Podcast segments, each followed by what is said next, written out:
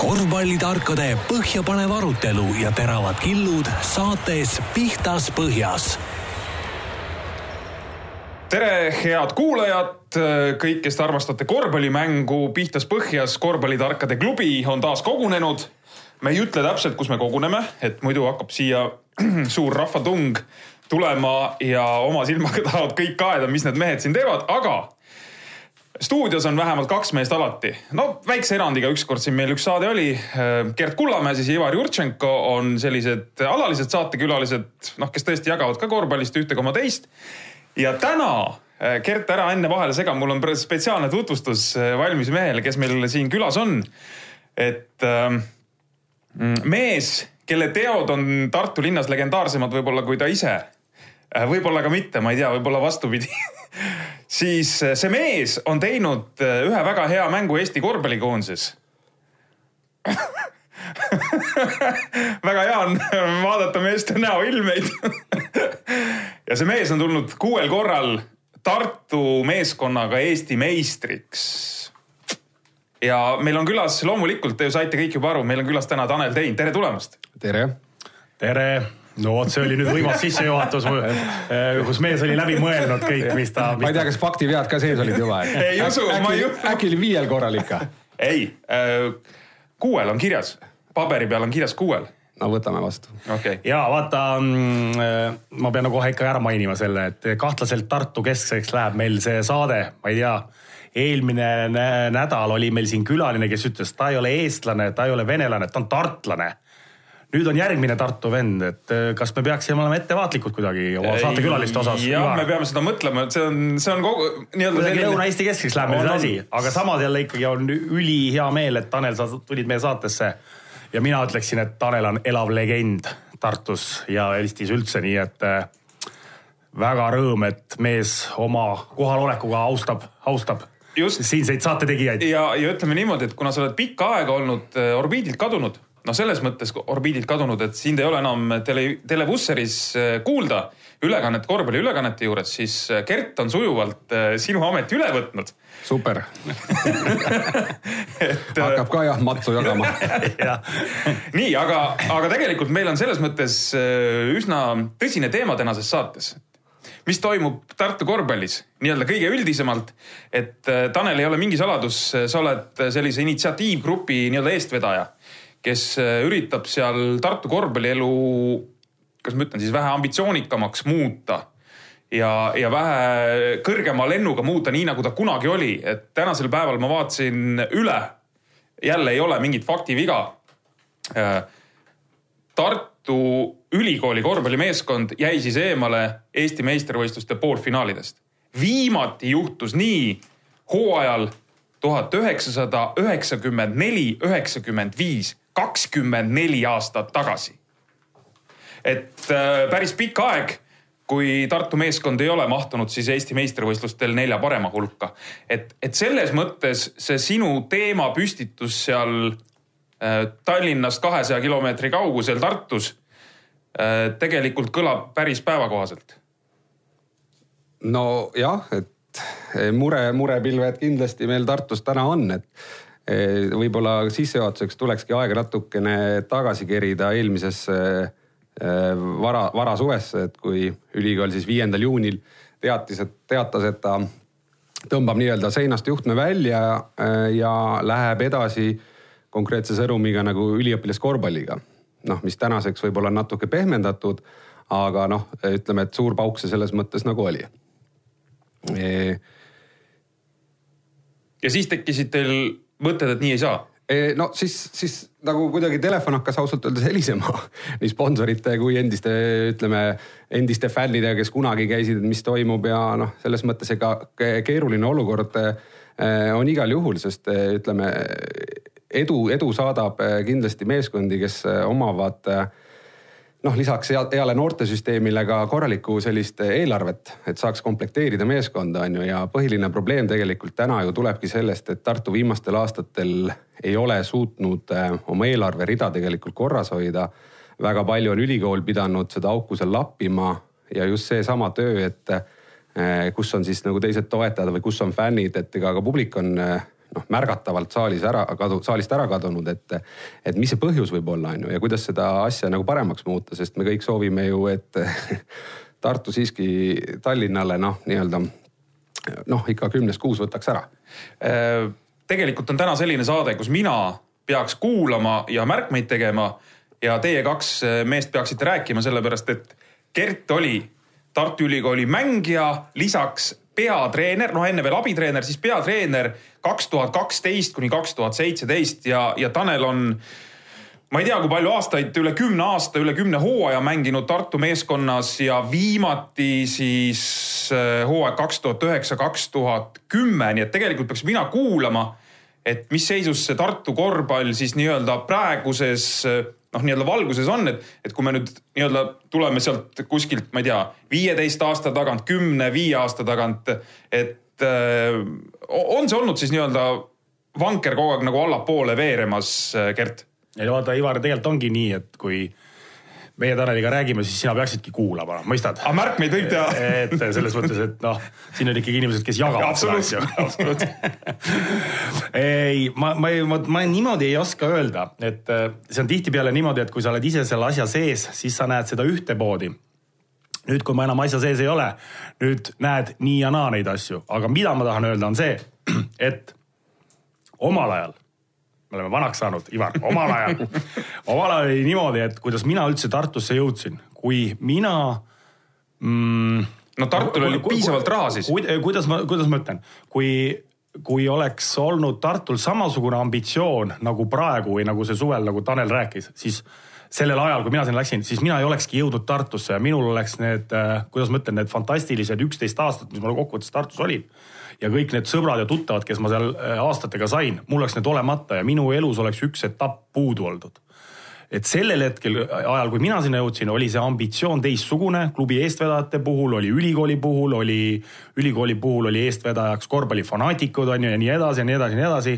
et minul sai, ma olen õnnelik inimene, et tänu sellele mina need aastad, oleks mulle pakutud omal ajal sama projekti nagu praegu tehakse Tartus, siis jah, ma noh, kindlasti mina ei oleks leidnud teed sinna, et, et selles mõttes on naljakas mõelda, eks ole, et ajas mingid asjad muutuvad ja, ja, ja need lähtenurgad ka muutuvad, eks. jah, see on hea tähelepanek see ambitsiooni koha pealt, et tõesti noh, ütleme, lähme veel korra ajas tegelikult tagasi aastasse kaks tuhat, kui ütleme, Erapanga siis initsiatiivil olnud mis meil oli, Eesti Gaas, Polaris või siis, mis see viimane. Delta oli vist äkki või? viimane nimi oli vist tegelikult isegi seal Polaris või Gaas. jaa, viimane vist oli jah, ja Polaris aga, aga äkki. ütleme see Venemaa kriis või mis selle erapanga kahjuks seal teisele teele viis, on ju, ja, ja nii-öelda pankrot oli tulemas, siis oli vaja see nii-öelda just äh, jalad alla saanud profikorvpall, keda, keda siis Lust ja Neissar nii-öelda treeneritena olid äh, püsti hakanud just panema nii-öelda, oli kuhugi turvalisse rüppe nagu istutada ja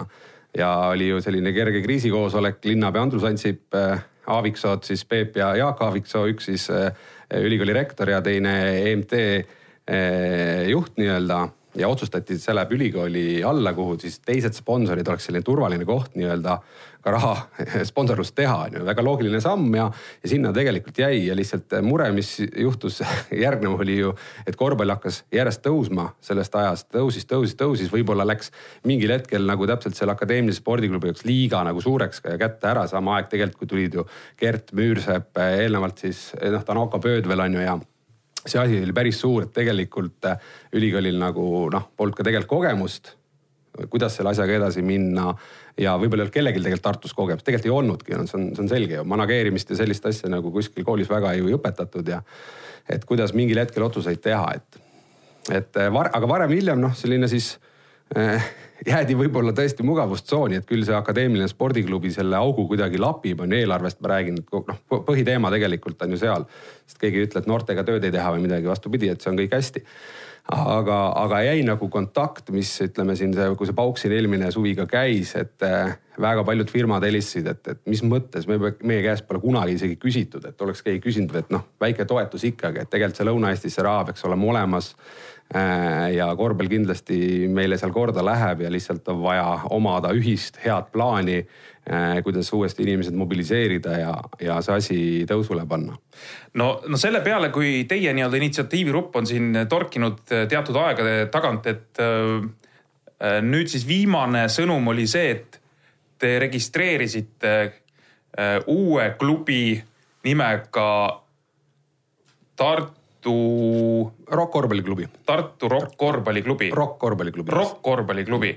Siis äh, tuli Tartu Ülikooli akadeemilisest spordiklubist tuli noh, ma ei tea, kas päev või kaks hiljem tuli pressiteade, kus siis öeldi, et äh, meeskond on ka võtnud jälle suuna nii-öelda kõrgemale Euroopasse ja et äh, peatreener paigas, päris palju mängijaid ka juba paigas ja ma vaatan selle pressiteate lõppu, siin on viis rida on toetajaid. mis sa räägid, et ei ole, ei ole toetajaid, aga nad võib-olla ei anna siis lihtsalt, lihtsalt piisavalt palju raha? Ei, kindlasti on hea, kui toetajaid on ja see nimekiri võib-olla peaks olema paar A4-a, ütleme, kui me räägime noh, et meil on väiketoetajad, et see, see aeg Eesti spordis kahjuks on vist läbi saanud, kus suurfirmad, võtame SEB Pank noh, kus, kus otsustus oli Eestis näiteks, ma ühe näite noh Tartu toetaja puhul, et aga täna neid otsuseid ei ole enam Eestis, et saada sellist suurtoetajat endale taha on küllalt raske, on kindlasti tekkinud uusi ja häid firmasid, aga veel kord sealsamas äh, ma arvan, on puudu jäänud see koht, kus noh, millele anda, mil toetust nii-öelda kes ka küsib, kas on plaani, on ju, et seesama koht, mis tegelikult noh, me oleme alati oma initsiatiivgrupiga proovinud nagu teha koostööd heas mõttes, et kõike peakski Tartus koos tegema ühise mütsi all ja ja noh, me kahjuks oleme välja jõudnud sellisesse kohta, et nagu enne sai mainitud, et ennem korvpall jäi suureks akadeemilise spordiklubi jaoks, et tegelikult see üks käik ongi täiesti eraldiseisev organisatsioon, kus on nii ülikooli, linna, kõikide korvpalli esindajate nagu noh, kooslus nagu koos, kes ühiselt seal plaani paika panevad ja valivad juhatuse, kes seda nagu toimetama hakkab. et äh, täna ma ei tea, kes Tartus äh, korvpalli suunda paika paneb, et kas see kogemus on piisav äh, noh, kui me siin detailsemalt edasi läheme, siis äh, ma usun, selgub, et üksi-kaksi tegelikult ei jõuta väga, väga kuhugi et.... et, et ühesõnaga, ma saan su jutust korra segan vahele, et, et äh, sinu arust tuleks viia see korvpallimeeskond siis, kes pürib, pürgib Euroopasse kõrgemale tasemele lihtsalt ülikooli alt välja eraldiseisvaks äh, ütleme siis äh, institutsiooniks?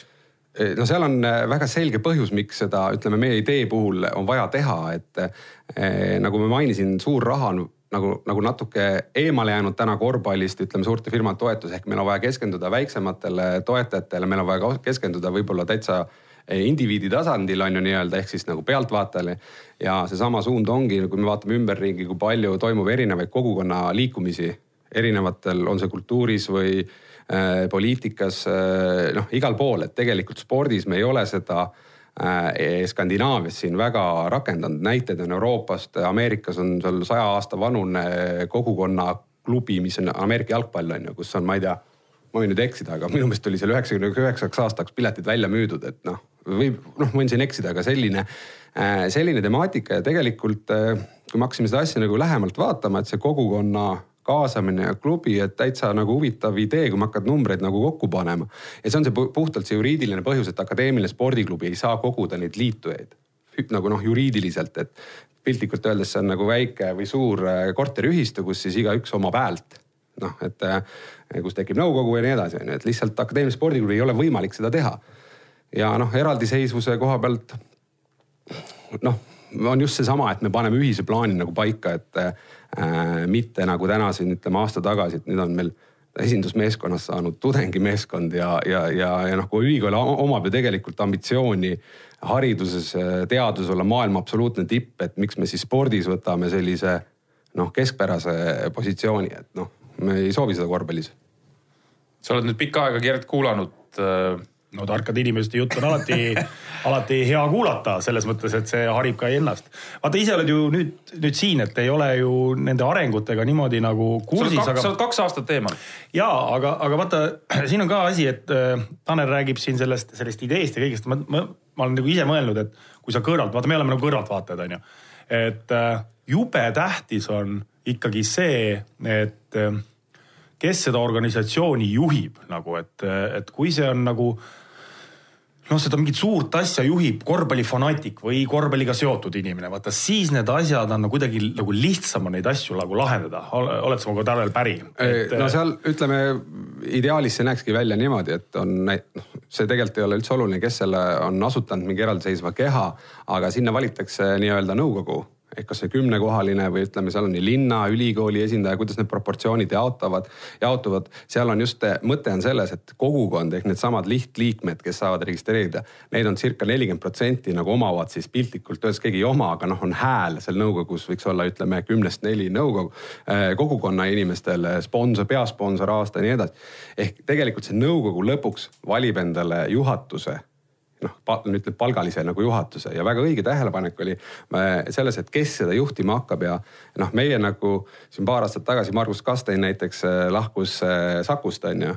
ja tegelikult sihtima peaks just sellise kaliibriga nagu inimesi seda organisatsiooni üles ehitama, sest noh, kui me räägime siin pikas plaanis, siis see ei ole väike nagu ühe aasta projekt, vaid vastupidi, seda tulebki kokku panna, et kui me võtame piltlikult öeldes näiteks Coop Panga või Coop äh, poeketi on ju, circa kaheksakümmend kaheksa tuhat eh, noh, säästukaardi nii-öelda klienti ehk siis selle.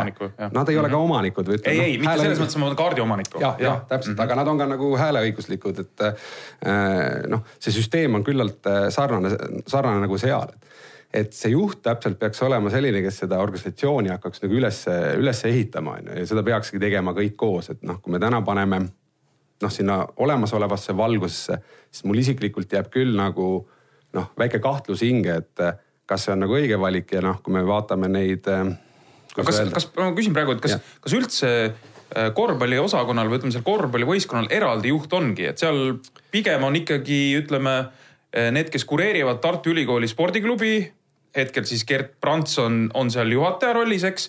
et ta peab ju tegema, tegelema kõikide aladega, mitte ainult korvpalliga no ja kindlasti Gert Prants on väga nagu südamega asja juures ja just noortekorvpalli Tartus juhtinud.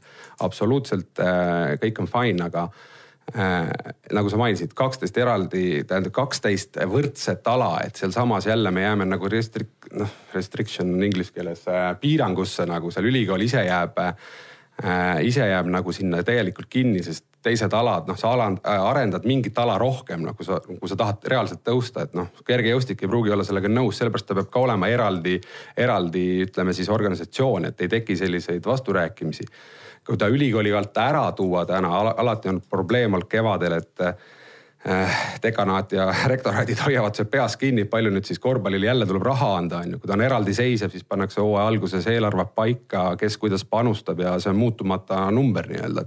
ka professorid saavad, äh, kuidas öelda, rahulikumalt magada et äh, seda saab nagu lihtsalt ja see ongi õige, see, mis siin toimus, see ei olnudki selles mõttes aus ja õige, õige värk, et aga lihtsalt kuidagi lasti see nii kaugele ja täna tegelikult see asi ongi vaja laiema pinnale ajada, et neid toetajaid, neid, neid, kes kaasatud on, on tunduvalt rohkem, et me, see olekski nagu printsiibil ju, et see ongi minu klubi.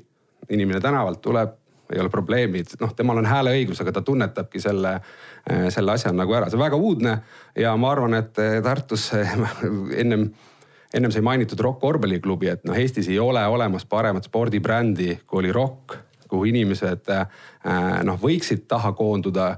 Eestis ei ole paremat linna fänni mõttes ja suuruse mõttes kui Tartu tegelikult, kui me mõtleme selline täpselt optimaalne suurus, äh, kuhu ja noh, korvpall on alati auses olnud, kuhu taha koonduda ja ma veel rõhutaks ka tegelikult treening, treeningkeskusega siin korra ära Kääriku spordibaasid, mida täna seal tehakse, mis on viiskümmend kilomeetrit Tartust, kus alati on Tartu inimesed käinud äh, laagris. Gerdi lemmikkoht.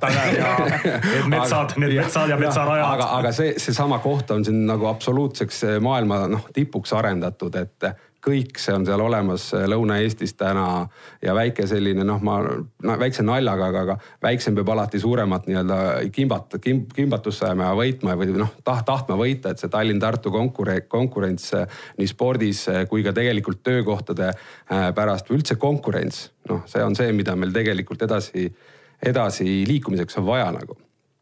ja selles vallas ma olen küll nõus, et, et noh okei okay,, kui me räägime tänasest päevast, et kas Tartu sai siin Eesti meistrivõistlustel nelja hulka või ei saanud ja nüüd ei saanud, nagu sa siin saate alguses ütlesid, et siis noh, tegelikult, kui sa nagu ikkagi vaatad seda suurt pilti, siis no see on ikkagi reaalne, peaks olema ikkagi mingi Tallinna-Tartu vastasseis, nii nagu ta on olnud, nii nagu see on Leedus on seal äh, Vilnius ja Kaunas. ja nii mm -hmm. nagu on Lätis on äh, see Riia. Riia, äh, VEF ja Ventspils, et noh, ükskõik kuhu pidi sa vaatad, no see on kõige reaalsem vastasseis, mida on, mida, mida nagu, mis nagu noh, mis viiks seda ala edasi või, või mis, mis nagu oleks nagu. praegu paistab, paistab meil vastasseis Tallinn-Tallinn.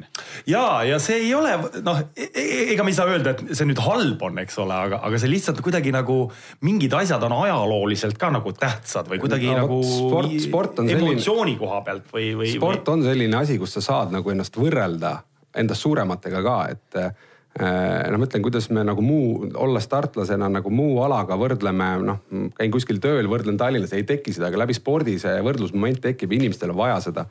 et äh, samastuda ja tunda, et, et mingid suuremad asjad äh, alistada on võimalik, et noh, ja see ajalugu, mis on siin selja taga olnud, noh, see on, see on selle uskumuse inimestele tegelikult ju andnud ja selle tunnetuse. kuule, aga kas siin ei võigi olla nagu see asi ka natukene, et noh, näiteks kui me seda noh, sellest äh, sellest ajaloost natuke räägime, et, et noh, tegelikult ju inimlikust seisukohast ka, et ega noh, kui sa siit Tallinna poolt vaatad, ega Tartu ei tee midagi valesti, justkui nagu väga üllas idee. noorte oma poistega mängivad, korvpallikool töötab, kõik nagu värk on ju, kõik on nagu, aga et. aga see ajalugu on olnud teistsugune ja inimesed on harjunud sellega, et Tartu Sats mängib Euroopas, seal on head välismaalased noh, viimastel aastatel hakkasid välismaalased lähevad aina kehvemaks, sest teadagi, raha on vähem, on ju, sa ei saa osta enam neid häid välismaalasi, nii, nii, nii, et võib-olla me oleme või tartlane on näiteks ära harjunud sellega, noh, et, et nüüd, nüüd nagu on jube raske harjuda sellega, et noh, mis, mõttes me ei ole, me ei mängi Euroopas enam või mis mõttes me, kuidas me nelja hulka ei saa Eestis, see on ju no kakskümmend viis aastat oli täitsa nagu ju noh, täitsa tavaline umbes noh noh, mäletan, milline tragöödia see oli minu jaoks ja see, sellel hetkel ka tartlase jaoks, kui ma ei saanud Eesti liigas finaali ja Finaali, Raplale kaotasin poolfinaalis. mul oli nagu natukene nagu häbi tartlaste ees või nagu niimoodi. Ma olin ikka kohe valmis nagu ise vastutuse ka võtma, et noh, et jah, ma panin ise puusse seal mingite asjadega, oli see komplekteerimine või mida iganes treenerina, eks ole. ma võtsin seda jõle hinge, mõtlesin, no kurat küll, et mis mõttes me ei saanud nüüd Tartu satsiga ei saanud öö, finaali, et see oli nagu ikkagi nagu väga halb tunne. ma ei noh No, no, kuidagi see- nagu niisugune inimlik, ja inimlik, see, eks. see on sama, ongi see ambitsiooni küsimus, et no unustame korra ülikooli selle ebaõnnestunud kommunikatsiooni ära selle tudengikorvpalli osas, ma usun, et see oli kommunikatsiooni õpetavale asutusele ikka suur aps, aga. ei, ei, see, siin on ju varemgi hakatud ülikooli seda tudengi ja noorte korvpalli Nii. mängima ja see oli mingi periood, kui Jaa, sa olid äh, abitreener, siis vahepeal käis samasugune kõlks läbi. no see oli see hetk ka, kus Rocki nimi kadus ära, vist jälle tuli Tartu Ülikooli meeskond. aga see ongi sama koht, et äh, ambitsiooni siis tegelikkuses ei ole enam ju, et äh, me noh, me räägime teistest asjadest, et kui me praegu korra nüüd tuleme detailsemalt äh, see Tartu nagu noorenduskuuri juurde, et tegelikult, et äh, omad poisid nagu, mida on alati rõhutatud, spordis loeb võit, alustame sellest, see on nagu ülim asi, et on sul omad võõrad, noh lõpuks, kui sa võidad, on kõik hästi äh,. omad poisid peavad alati nagu olema, see korvpallipüramiid peab toimima. kahjuks Eesti-suguses äh, väiksel maal ei piisa ka sul omadel poistel ainult oma, oma maja poistest. Tartus on ju veel äh, treeninggruppe, Lõuna-Eestis on ju veel neid, tegelikult see kõik peaks olema ühise mütsi all äh,. tahad sa, Ivar, midagi öelda? ja, ma, ma tahtsin lihtsalt, lihtsalt öelda seda, et tegelikult ju oli Tartus ideaalne seis seesama aeg, kui Gert, Müürsepp, Tartu enda mehed, Kiiks, Tanel, kes iganes seal veel olid. see, vot see oligi see, et omad mehed, nii-öelda Eesti mehed, pluss mõned head välismaalased juurde ja tegelikult see oligi selline noh, noh nii-öelda ideaalne kombo, et milline Ma segan, see, milline see võiks vahele, olla. segan vahele, et siin eh, seda kiputaksegi praegu nagu noh, ütleme omad poisid, et vot vanasti alustame sellest, et delta aeg aasta kaks tuhat on ju. no siis olid kõik omad poisid. nii, aga, aga mis on kõige olulisem detail selle juures, et eh, ega delta, delta oli see juba, kes kulda nagu nautis, sinna eelnes ju ka paar aastat julgelt tööd, kellegi, kellegi pingutusi. tegelikult see ajaline vanusespekter võtame kõige noh, tuntum mängija Tiit Tõniste, kes siis nagu vahetult enne deltat läks küll ära, sündinud kuuskümmend viis ja siis delta pingil kulla kaela saanud eh, Veljo Vares kaheksakümmend kolm. ehk tegelikult me räägime circa kahekümnest aastast, aastasest nagu kompotist, nendest omadest mängijatest. kahekümne, ütleme, võtame siis noh, kümne aasta peale jagame veel ära, kes kümne aasta jooksul siis tegid selle terviku. ja kui me täna Tartus nüüd hakkame ootama järgmist omade poiste põlvkonda. kümme aastat ootad. no eh, ja veel, mis, mis eriline nagu vahe on, vanasti oli Kalev on ju Eestis üks suur äh, värk on ju. sinna said Tartust väga vähesed on ju. tollel ajal, delta ajal piirid ei olnud nii lahti, keegi välisklubisse minek oli tegelikult ulme. Aga mis meil täna noortega toimub, me räägime oma noorte kasvatamisest, kuidas me neid kinni hoiame, see ei ole nagu võimalik reaalselt. Gerg Riisa, kes on tulnud ka läbi ühe teise Erkmaa alt äh, Prantsu enda alt on ju noh, lõpuks ta on Valmo Kriisa poeg et miks ta nii hea tegelikult ju on, ta on maast ja madalast asja juures olnud.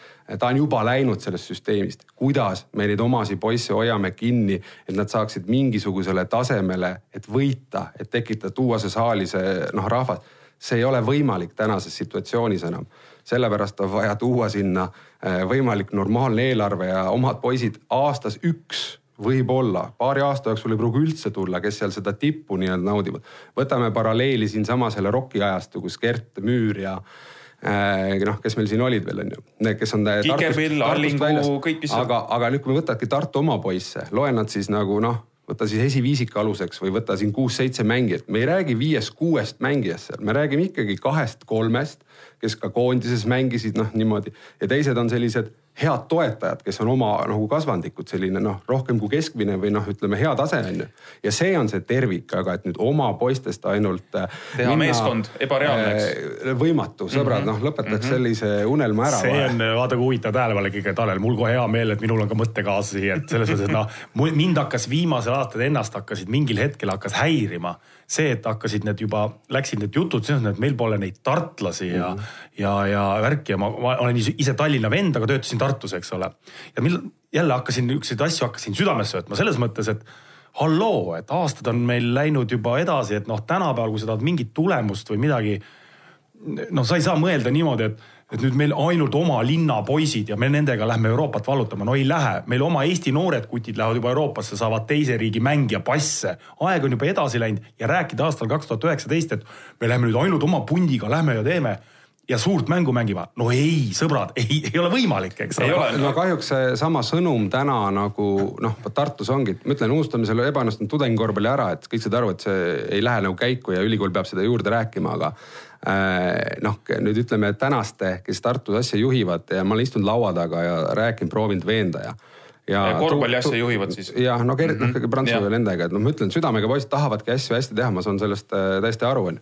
aga, aga vaata, kui sa üksi, üksi seda vead, onju, siis sa võid nagu ajaloos natuke eksida ja kõike täispilti mitte näha, et veel kord, kakskümmend aastat oli see äh, mängijate vanusevahe on ju mingi see, kus, kus mingil perioodil jah. me ei hakka ju ootama järgmist kahtekümmend ja täna enam see kakskümmend ei õnnestu sellepärast, et äh, kolmteist, neliteist on poisid juba kuskil Euroopa akadeemiates nii kui, kes pilku või pead kannavad, et meil on vaja lihtsalt saada eelarve käima, meil on Janar Talts, kas ta ei olnud tartlane siis või? lõpuks mängis pikad aastad täiesti noh, me peame vaatama nagu noh natukene laiemalt, mitte ainult seda ülikooli spordiklubi noortesüsteemi, vaid kogu Tartu, Lõuna-Eesti, Võru, Võruni välja ja Tallinnast tuua seal poisid. Tartu peaks olema selline sats nagu on Euroopas Belgradi partisan, noorte selline kuradi konkurentsivõimeline, noh, kus on räme konkurents, sa tahad sinna kuidagi saada ja kui sa sinna saad, see sats mängib euro, noh euro, euro, Euroopas on. aga, aga ma tahan siia tuua sellise noh, lihtsalt nii-öelda natuke kõrgemal tasemel võrdluse, et, et tegelikult see, see suur korvpall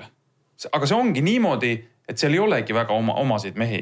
seesama, vaatame, kes siin Euroliigas on Final Fouri jõudnud, seal ei olegi praktiliselt oma mehi ja nüüd veel seal ütleme näiteks see Barcelona, FS Pilsen mängivad nüüd selle viimase Euroliiga Final Fouri kohal. palju on FS Pilsenis äh, neid äh, või selle Anadolu FS-is, sorry äh, Istanbuli meeskonnas türklasi, no palju on, palju käib väljakul. võta lähemalt, võta Kaunases Žalgiris. ja ma tahtsingi jõuda Žalgiriseni välja, et Žalgirisel on ka ju hetkel nüüd seis, kus seal on neli-viis välismaalast sellepärast, et Leedu kutte ei õnnestugi tagasi tuua, need mängivad juba kus, kusagil mujal, aga sa ei saa läbi, sa ei saa mängida mingi, ma ei tea, seitsme mehega või kuue mehega, sul on vaja normaalset rotatsiooni.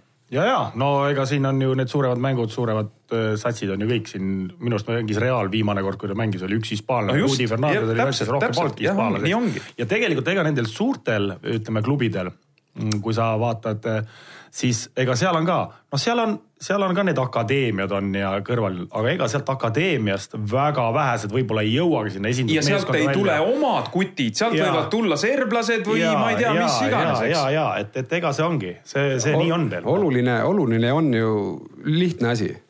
kuidas sa saad rahva saali? Mida sa seal saalis pakud, kuidas sa need, kuidas sa inimesed saali saad, kuidas sa toetajad taha saad.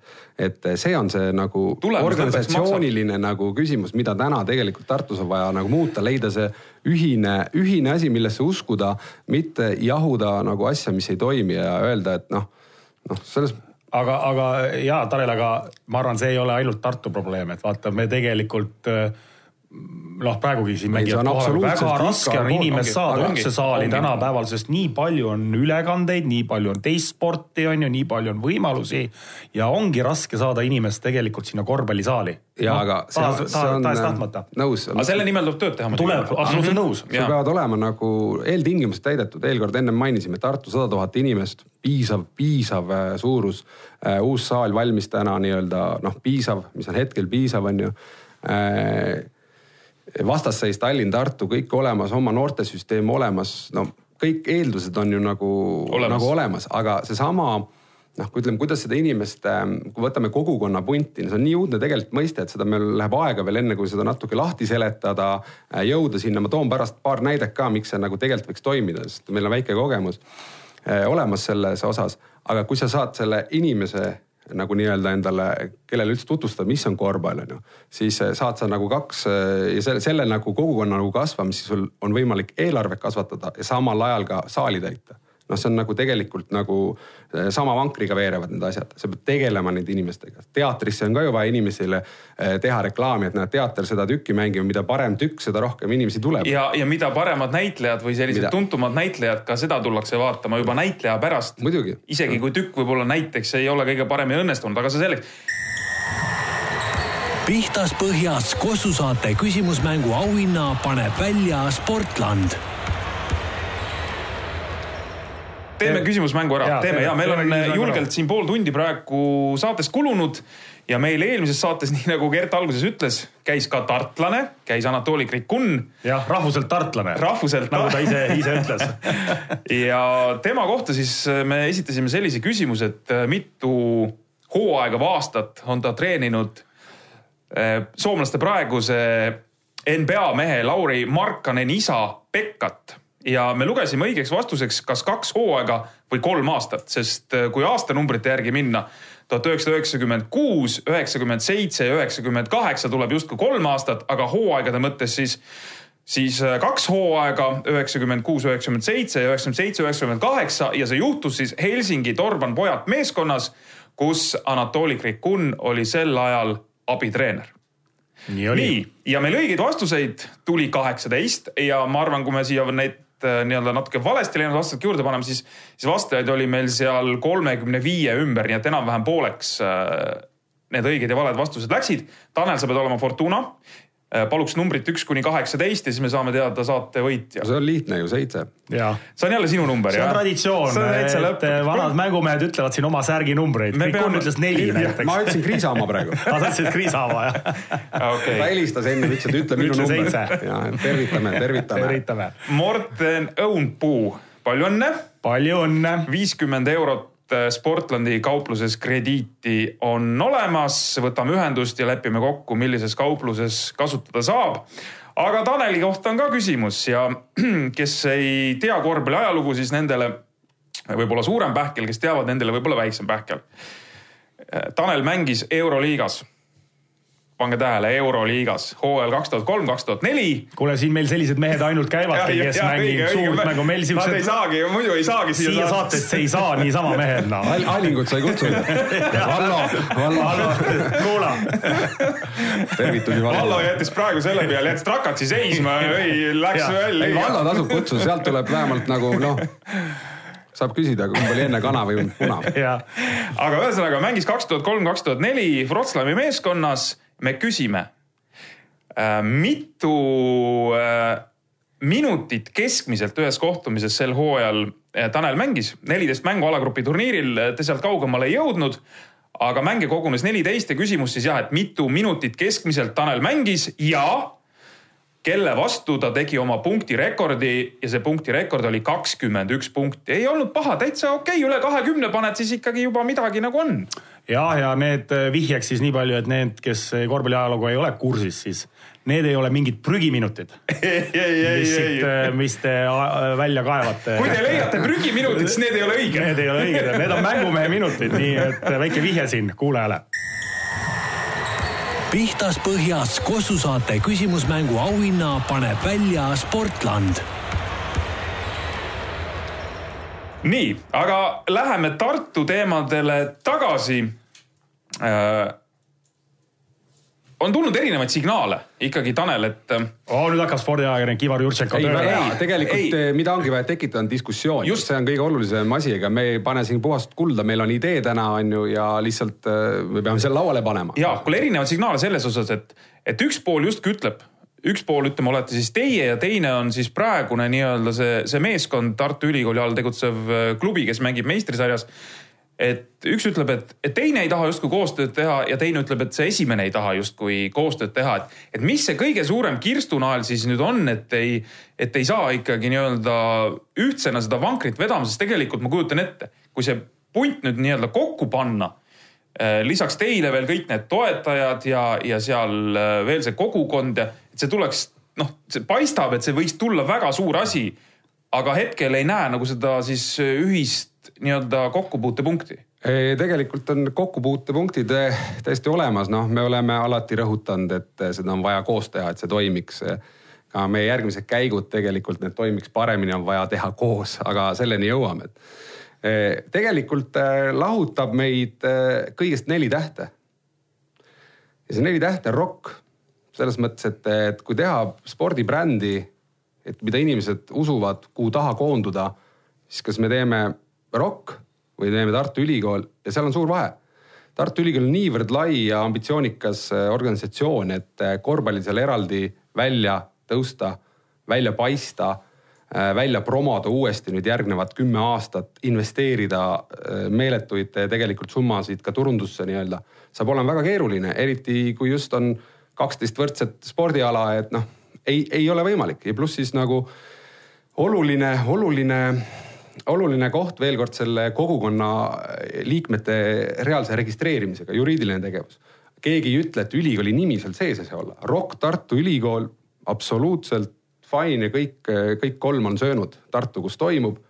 kõigil on võimalik, mure tegelikult ülikooli poolt vaadates ongi see, et ROK oli liiga silmapaistev, ülikool ei paistvat sealt välja, aga sõbrad, see on lahendatav probleem, see on puhas turundusküsimus, millega noh, ei ole, ei olda varasemalt hakkama saada, kõik.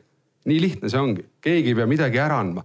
tänases situatsioonis Tartu Ülikool ei peaks kuhugi midagi ära andma, vastupidi, võimalik on juurde saada ja teha üks normaalne asi sellest.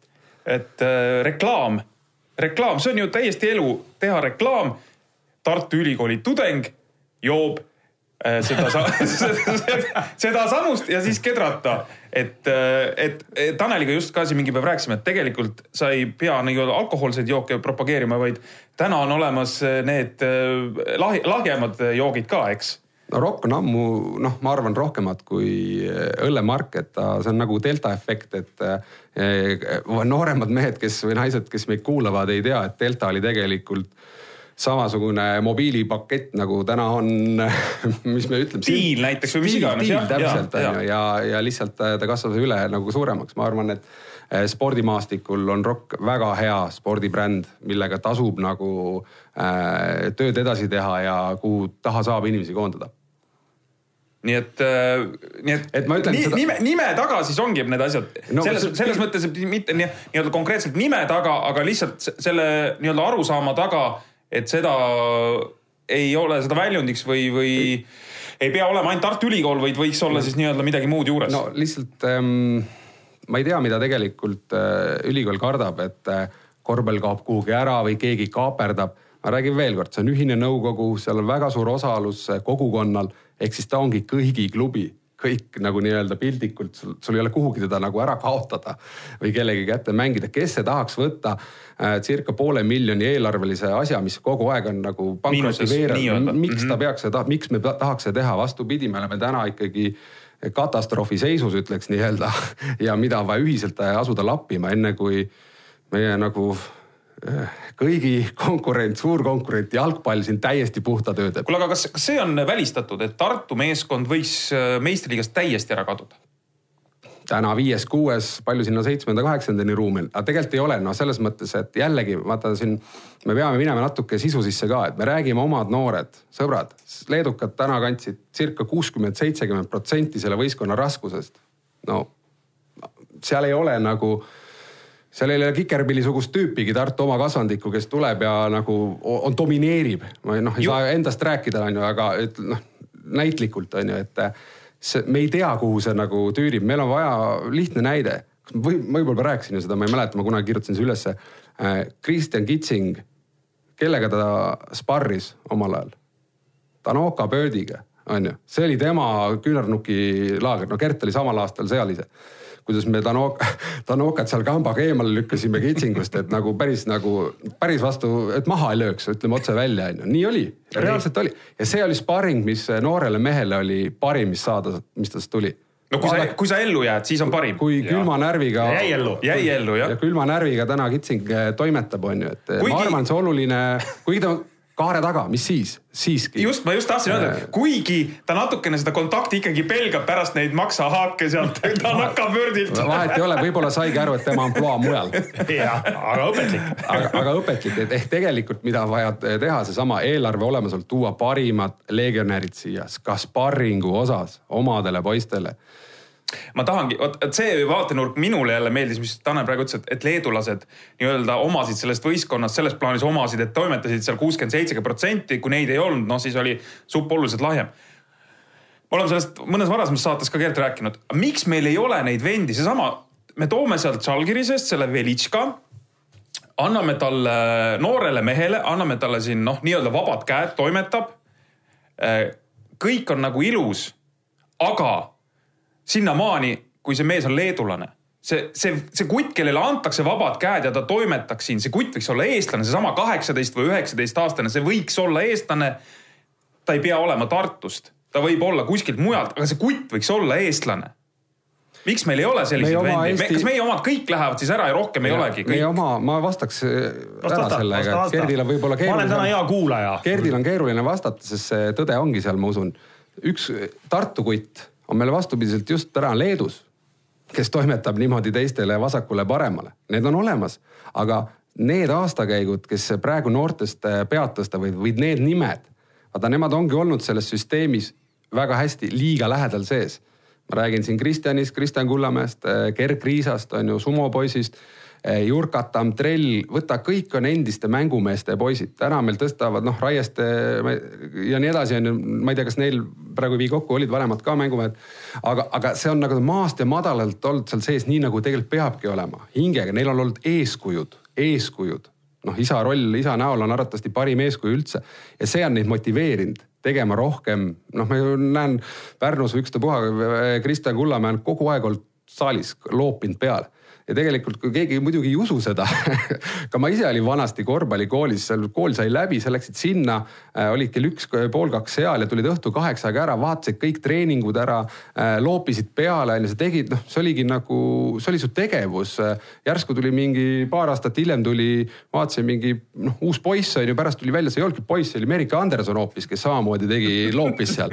ei no tõsiselt ja, ja vaadake, kus Merike on ju mängib nagu täna. kuuendat aastat järjest tuli Belgia meistriks. palun, et nagu see ongi see, et sa pead seal nagu noh, seal sees elama, et ma tegelikult kuulasin Howardi saadet ka teil on ju, Fryeri, tervitused talle.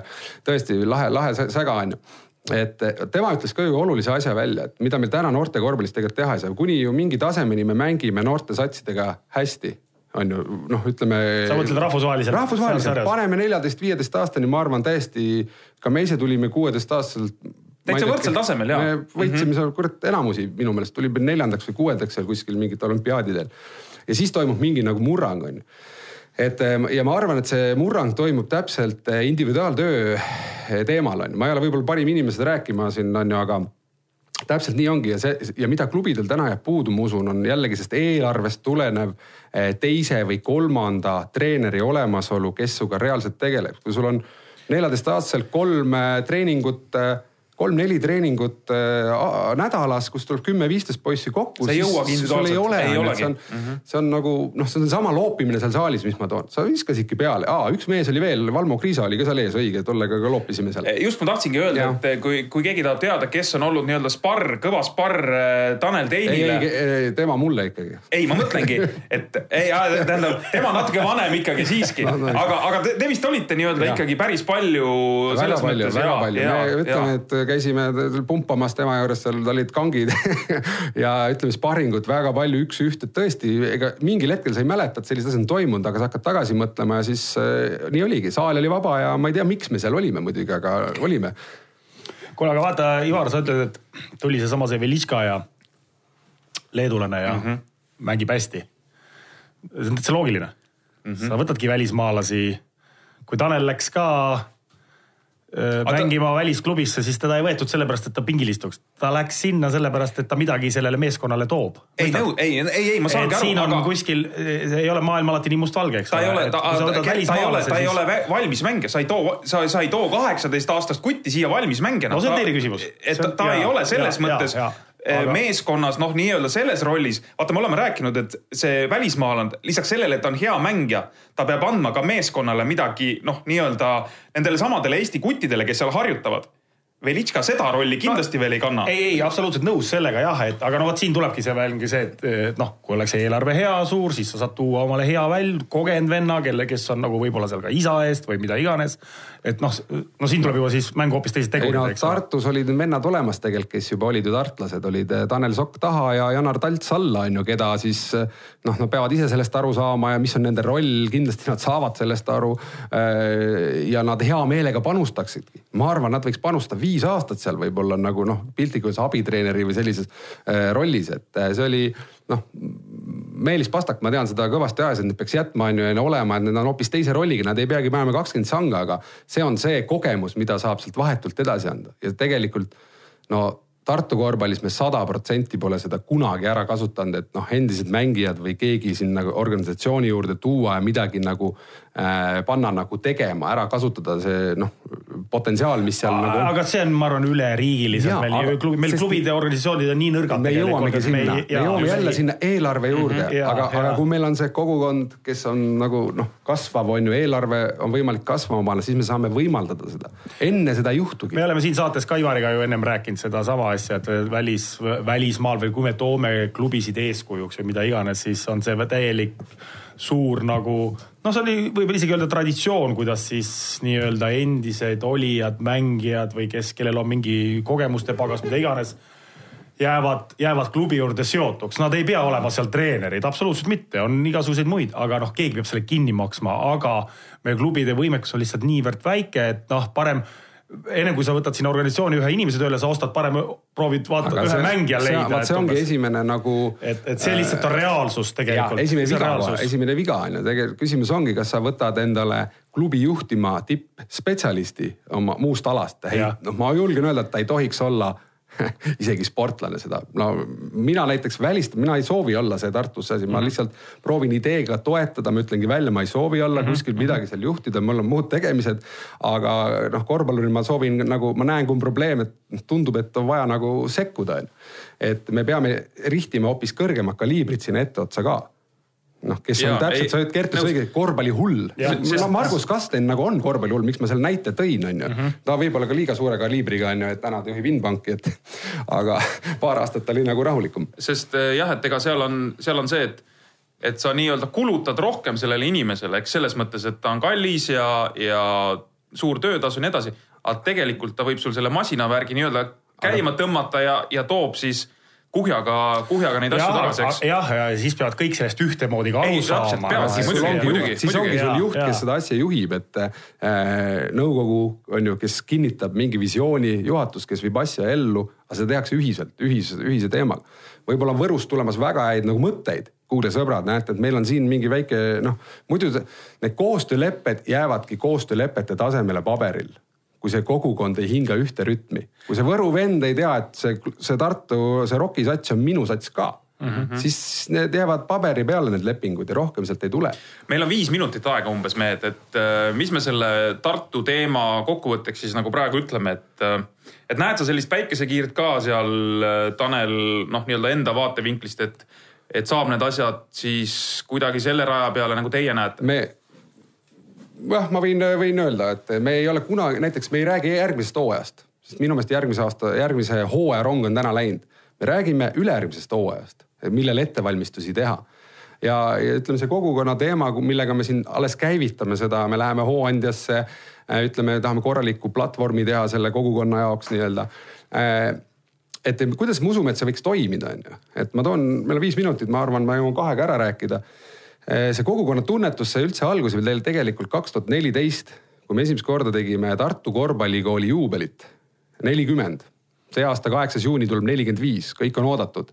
aga mis sellega juhtus?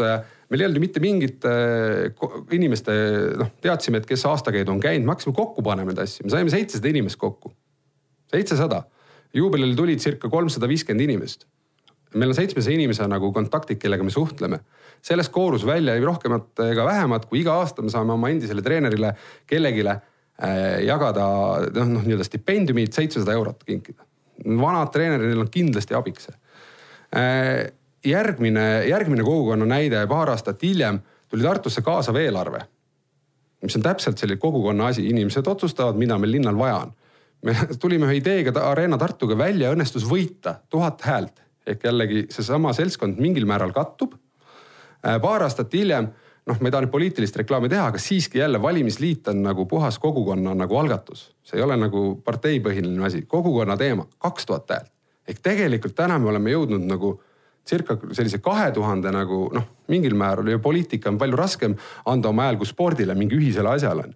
et seal on see nagu potentsiaal täiesti olemas, see kõik toimub ühes linnas, kogu aeg ühtede nagu noh, samade inimeste no, teemal. ja pluss see Lõuna-Eesti asi ikkagi ka juurde. Lõuna-Eesti asi ka, nüüd on vaja ühtset, ühtset usutavat brändi, mille taha nagu noh, koonduda. ja ülikool ja linn on absoluutselt selle juhtivad partnerid, seda ei taha teha keegi üksinda, vastupidi, teeme kõik koos. aga tegelikult on Tartu Rock olemas hokiklubi näol hokiklubi näol on ta olemas. aga ei, ja toimib. aga seal on kõik endised korvpallurid? Seal on mõnigi korvpalli taustaga vend, olen ma kuulnud. ja, ja ega rokk ikka massidesse, ega ei pea olema ainult korvpall no,, see on õige. no vot, no vot. aa, sealt tuleb see superklubi, vaata sealt, mida sa mõtlesid Tallinna Kalevi äkki midagi hakkab, seal on nüüd ja. Tartu Rock tuleb, teevad ära selle. täpselt nii. hokid. kõik pallimängud. kõik, kõik, kõik pallimängud ja, ja, ja, ja, ja. see oleks võimalus asi. ega noh, kui me võtame. ja suur, siis oleks seda Tartu Arenat ka vaja. suurorganisatsiooni tasemel, ega ütleme välja selle mõtte ka, loomulikult äh, Eh, kui sul organisatsioonil on eh, mitu spordiala enda all, et siis kui lapsevanemana mm, panen lapse trenni, maksan talle seitsekümmend euri mingit kuumaksu, miks ta mul ainult korvpallis käib, kui see organisatsioon võimaldab käia ka jalkas, jäähokis ja nii edasi ja mul jääb see nagu üks sama kulu, siis on mõeldud mõttekoht on ju. See on tõeliselt suur mõtlemine oleks. ei no aga kui... tegelikult see on välja käidud noh, vot see on see pearahasüsteem, mis ja, meil täna tekib ja, jälle ja kõik ja. jälle ajavad oma nupukesi taga, on ju, sest pole ühtne süsteem, ükski treener ei taha kuidagi teist ära anda, sest raha pole ja, jälle. aga ja. kui on nii või, võimalik üles ehitada ühine tugev organisatsioon nii-öelda noh, siis ei ole ju vahet, kas see poiss käib kaks kuud ühes või teises trennis. ja, ja mäletate, mis äh,, Ivar, mäletad, mis eelmine saatekülaline meil kuulus Anatoli Krikun ütles, kuidas ta ka oli mitmekülgne noorest peast ja tegi mitmeid spordialasid ja see nii edasi. see ei päde enam. ei, ei, mitte, selle, ei, mitte selles mõttes. miks ta ei päde, mis sa jamad? ei, mitte selles mõttes, et. pane see Ivari mikker kinni. oota, oota. ära hakka mingi jama ajama. oota nüüd, ma las ma räägin, et selles mõttes loomulikult pädeb, et peavadki olema mitmekülgsed, aga see ei päde. et vaata, vanasti tuldi ju, olid spordimees, sa olid spordimees, tuldi Eesti meistriks korvpallis, võrkpallis, jalgpallis, jäähokis, ma ei tea. mingi läksid veel kergejõustikul jooksma, tulid ka veel Eesti meistriks, et, et selles mõttes lõpuks sa pead tänasel päeval ikkagi keskenduma ju üsna varakult ei, mingile ühele alale. seesama asi, et kuni viieteist aastani tegelikult sa peadki liikuma, sa pead ujuma, sa pead suusatama, sa pead jäähokit peadki mängima ja see ongi seesama koht, miks. tuli ära, jäähokit peab. tegelikult jäähoki mega, mega arendav füüsiline füüsiline tegevus, et ja see on mitmekülgsus. oskaks, et... oskaks vaid uisutada. sa ei oska või? ei oska kahjuks. kuule, ma tule, ma õpetan, ma võtan su kaasa ükskord. aga selles mõttes Krikun ei eksinud, et äh, kui sa võtadki kõik vanad äh, vanad tegijad, tammad, värgid, ma usun, noh tennised, värgid, noh mõtleme ajaloost, nad oskasidki kõike ja see, et täna ei osata, ongi jama mm. -hmm. lihtne ma võin sulle öelda päris mitu Eesti tippsportlast, kes ei oskagi mitte midagi muud kui ainult enda ala, aga te tegid seda ala paganama hästi. ei, seda küll, aga noh, ütleme, kui me tahame siis keskmist taset tõsta äh, laste, laste nagu füüsilises tegevuses. nõus. ja ei, ma olen ka nõus. täna, täna oli hea saade oli jah? ja ei pidanud rääkima ma ei pidanud üldse rääkima. kutsud targa inimese siia stuudiosse, saad ise olla rahulikult, rahulikult aga kas kuulata. meil mingi, kas pärast tänast saadet me üldse Ei. oleme suutelised mõne parema saate veel tegema või? vot seda ei tea, Allingu, aga Allingu, ma soovitan Allingut. väga hea, ka. väga hea, et sa Tanel ikkagi tulid siia ja, ja, ja näed, vot meie niisugune arutlussaade on ikkagi selles mõttes äh, kuuldaväärt saade, et äh, erinevad, erinevad inimesed, erinevad mõtted. nüüd on vaja need mõtted panna kõik kuidagi kokku mingil hetkel, olgu see siis Tartus, eks ole, näiteks selle näol, et, et, et ainult nii saab asja ajada, arvan mina. aga nii ongi tegelikult, eriti, eriti nii-öelda meie, meiesuguses Väikeriigis, väikeriigis. et äh, siin jah, päris omaette nokitsedes vist äh, väga suurt asja ei tee. ja, aga ma ütlen, kes tahab lähemalt vaadata, ega otseselt ju reklaami ei tee nüüd. kaheksas juuni. aga. Tartu korvpallikool. väga reklaami ei tee, aga. ja kuulake nüüd reklaam ära. ei, vaat see ei ole reklaam, see Läksime reklaamipausile. see on seesama koht nüüd, et äh, tulge kaheksas juuni, Turu kaheksa, Tartu korvpallikool nelikümmend viis, õhtune kõik pidustusvärgid. ja liituge selle kogukonna klubiga ja me teeme üheskoos suuri asju, mitte üksi ja ja mina veel jätkan ka eelmistest saatest, ikkagi lähen veel edasi ja see läheb Tartuga kokku ja Tanelile ka. minge see nädal Tartus noorte korvpalliturniiri vaatama. on igasuguseid noori võistkondasid, ägedaid akadeemiaid, Makaabid, Albad, kust sealt tuleb. Žalgiris ka. on vist Žalgiris ka ka, Anatoli. Krikun mm -hmm. ja Marek Tororin on seal, on seal Patroonid. patroonid. minge ja proovin ise ka minna, Tanel, tule ka kolmandal saan, neljandal ei saa. ja aga igal juhul äge noorteturniir on Tartus tulemas, nii Jah, et ma usun, et selle läbi., astuge Ja. igal juhul läbi ja minge noori, noori kossumehi ja siit toetama. tuleb Gerd Brandsile tunnustavad sõnad, et selline asi on nagu käima See on kõva asi, see on kõva asi. see ongi, et vaata noorte asi nagu läheb, on ju, nüüd on vaja saada see tervikasi ka, et lihtsalt omade poistega alati ei jõua. nõus. küll lobisevad, no ei saa saadet ära lõpetada. okei okay,, aitäh teile, mehed, aitäh kuulamast ja nädala pärast uuesti. ja, ja mina poolt, omalt poolt ütleks, et ma tulin ka Lääne-Virumaa meistriks nädala, nädalavahetusel. reklaamminutid jälle reklaam. tulin, võitsin kulla järvi ja, ja ühtlasi alustasin ka uut sarja nelikümmend viis pluss palju sa Fosteriga koos nüüd punkte viskasid? kõvasti. minu arust panime jälle mingi nelikümmend kolm kahe peale. ja nii, okei, ilusat päeva aitäh kutsumast. korvpallitarkade põhjapanev arutelu ja teravad killud saates Pihtas Põhjas